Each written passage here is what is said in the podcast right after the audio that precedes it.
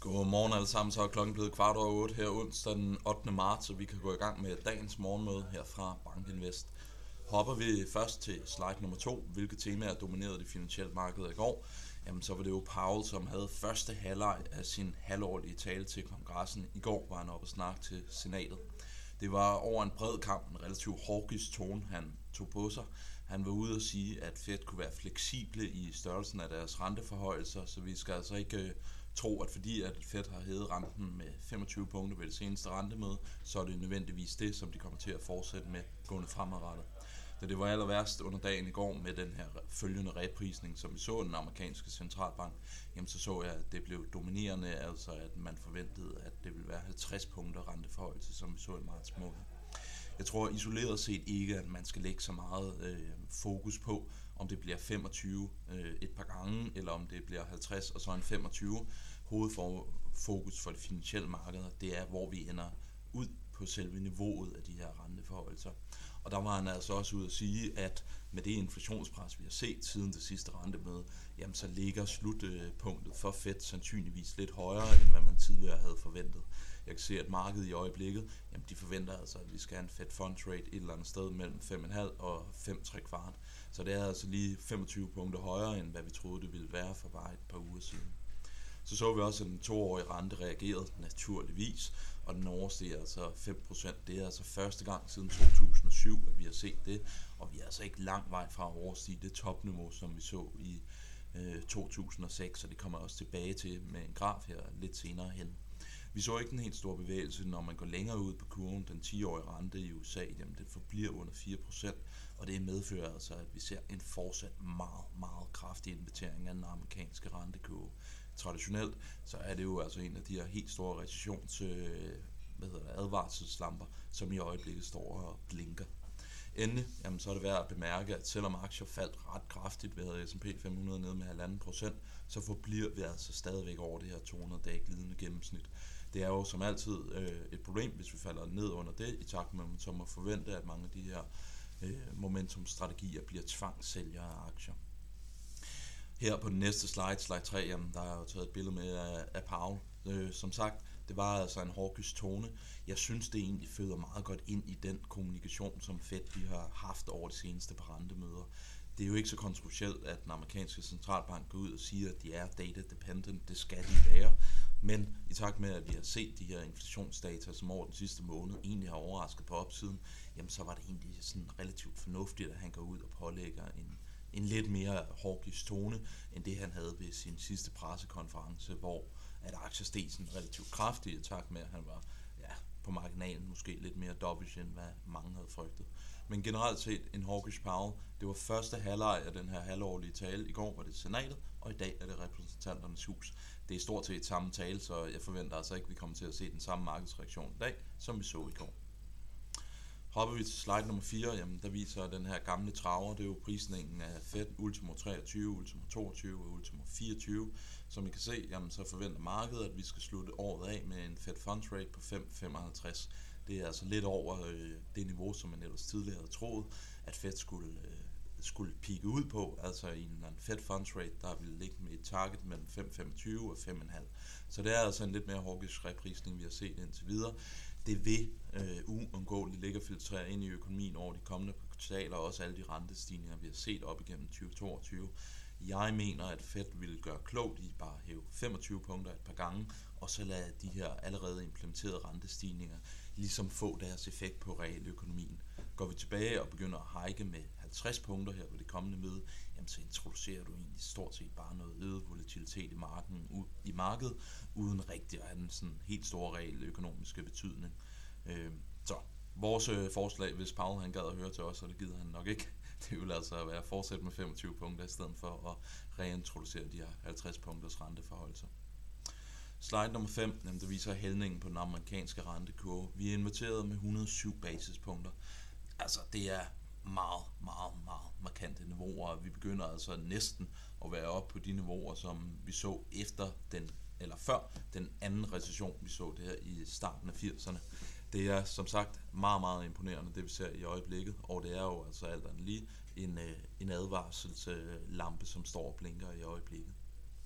Den amerikanske toårige rente oversteg 5%. Som I kan se, så peakede den i 2006 den 28. juni 5,28.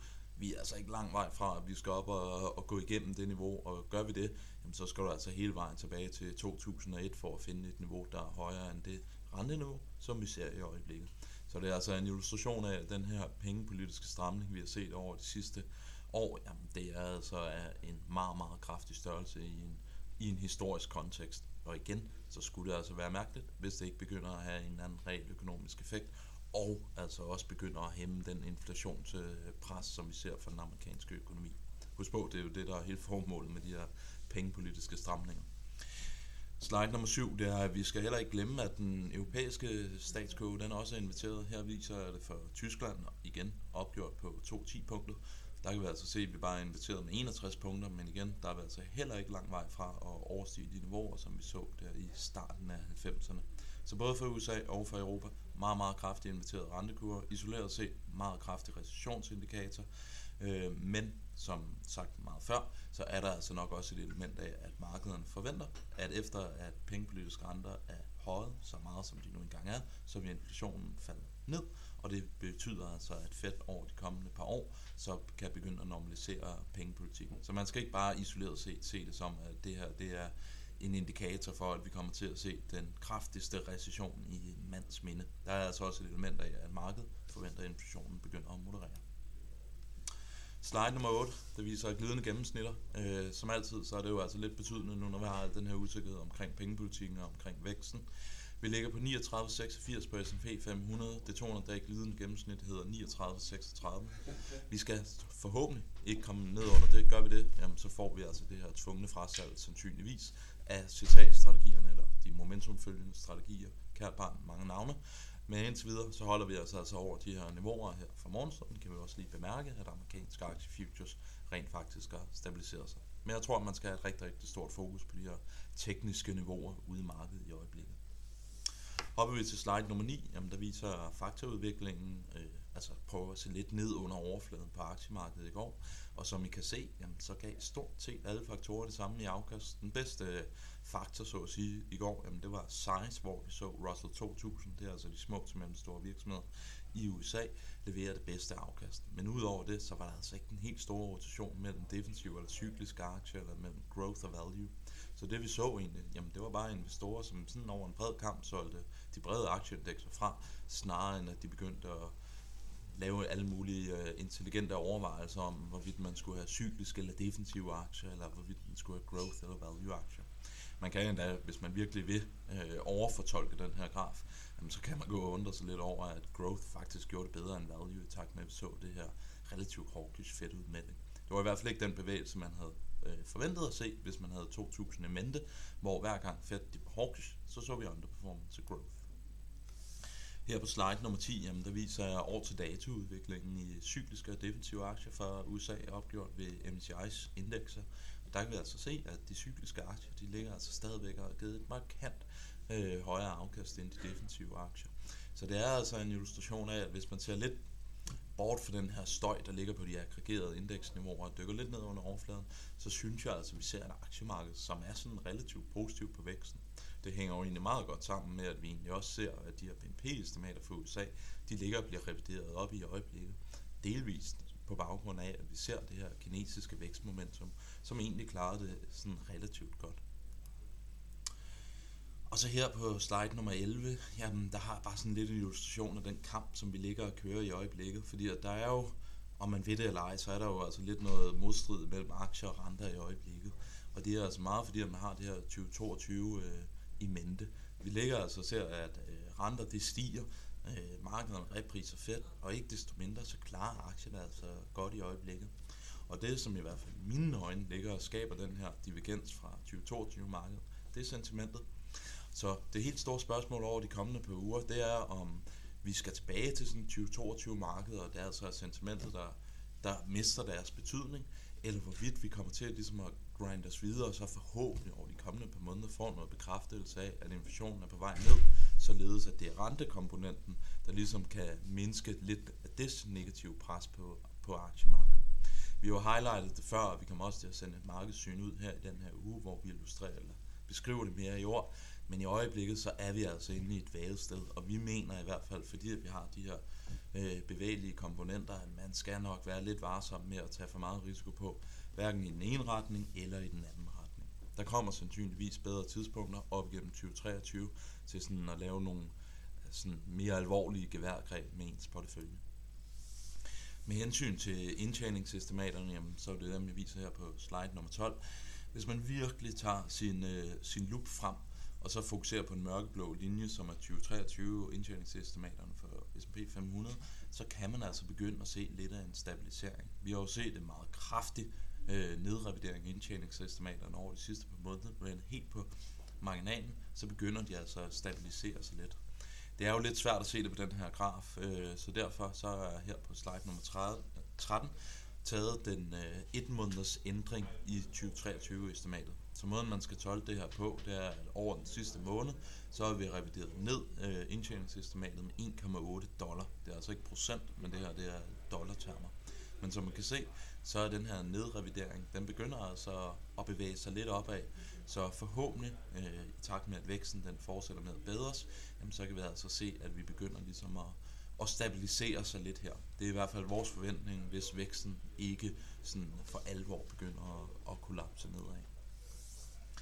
Slide nummer 14, markederne for morgenstunden. Jamen, Powell han skal have anden halvleg af sin halvårlige tale igen. Nu er det repræsentanternes hus, hvor det i går var snatet. Jeg tror ikke, vi skal forvente en helt stor markedsbevægelse. Hvis øh, der kommer noget, jamen, så må det være et eller andet spørgsmål, der kommer ind fra højrefløjen, som overrasker Powell, og han så kan give en eller anden flavor, enten dovish eller hawkish på øh, pengepolitikken. Men jeg tror altså ikke, vi skal forvente det, det helt store. Så får vi den private jobrapport, det er den, der hedder ADP. Det bliver også spændende at se, om øh, styrken i det amerikanske arbejdsmarked stadigvæk er intakt, og det får vi yderligere data på igennem den her jobs, øh, job openings. Som jeg har highlightet et par gange før, jamen, så ligger vi altså og ser rigtig, rigtig stærkt arbejdsmarked, både på hard data, men også på soft data, hvor du går ud og spørger forbrugerne og virksomhederne, hvad mener I om arbejdsmarkedet? og De siger begge to, at det er rigtig, rigtig stærkt i øjeblikket. Vi ser ret kraftige fald i Asien for morgenstunden. Det er nok meget øh, forventeligt med den bevægelse, vi så i de amerikanske aktiemarked i går. Vi ser Hongkong, det var nede med 2,5 procent sidst jeg så på det, så det er jo et tab, der er ved at øh, tage at føle på. Endelig så kan jeg bare kommentere, at øh, amerikanske aktiefutures de ligger svagt i plus. Og inden I nu logger ud, så fik jeg et spørgsmål, og det vil jeg så besvare on the fly her. I går så vi bankaktierne i USA falde mest på trods af stigende renter. Det er vel fordi markedet nu frygter en recession. Jeg mener, hvis markedet sådan for alvor, nu skal jeg ikke øh, kommentere specifikt på bankaktierne og deres sektorperformance, jeg vil mene, at hvis markedet sådan for alvor frygtede, at vi så en recession, jamen, så havde vi altså i højere grad, end hvad vi gjorde i går, set en defensiv rotation. Egentlig også noget, jeg havde forventet, at vi havde set over de sidste par dage. Og det synes jeg altså ikke, det er det, vi ser. Altså under overfladen over de sidste par måneder, eller over de sidste par uger, så har cykliske aktier altså klaret det relativt godt.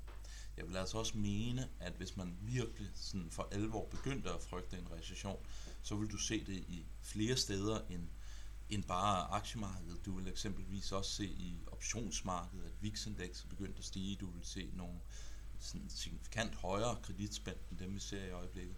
Så jeg synes altså, der er over en bred kamp, så synes jeg ikke, at aktiemarkedet eller kreditmarkedet sådan for alvor begynder at indiskontere en recession. Det er, det er min overordnede holdning. Hvorfor bankaktier underperformede meget i går, den må jeg faktisk være lidt øh, svar skyldig på her på, på stående fod. Men øh, min holdning i hvert fald, og nu kan man jo læse markederne, som fanden læser Bibelen, det er altså, at vi i øjeblikket ikke sådan for alvor ser et marked, der frygter, frygter en recession. Hverken, faktisk vil jeg sige, hverken mild eller, eller hård. Det eneste, som indikerer det på traditionel mål, det er invitering af rentekurven. Men den tror jeg, som sagt, man skal tage med et grænsalt, i takt med, at der også ligger det her element af, at vi forventer, at inflationen begynder at falde. Men øh, vi kan lave en løs aftale om, at jeg, jeg kommer lidt øh, mere i dybden med lige præcis bankaktien og hvad der, hvad der skete i går der i morgen. Men mindre der popper et nyt spørgsmål ind her inden for de næste øh, 2-3 millisekunder, så vil jeg ønske alle sammen en rigtig, rigtig god dag og held og lykke på de finansielle markeder. Hej!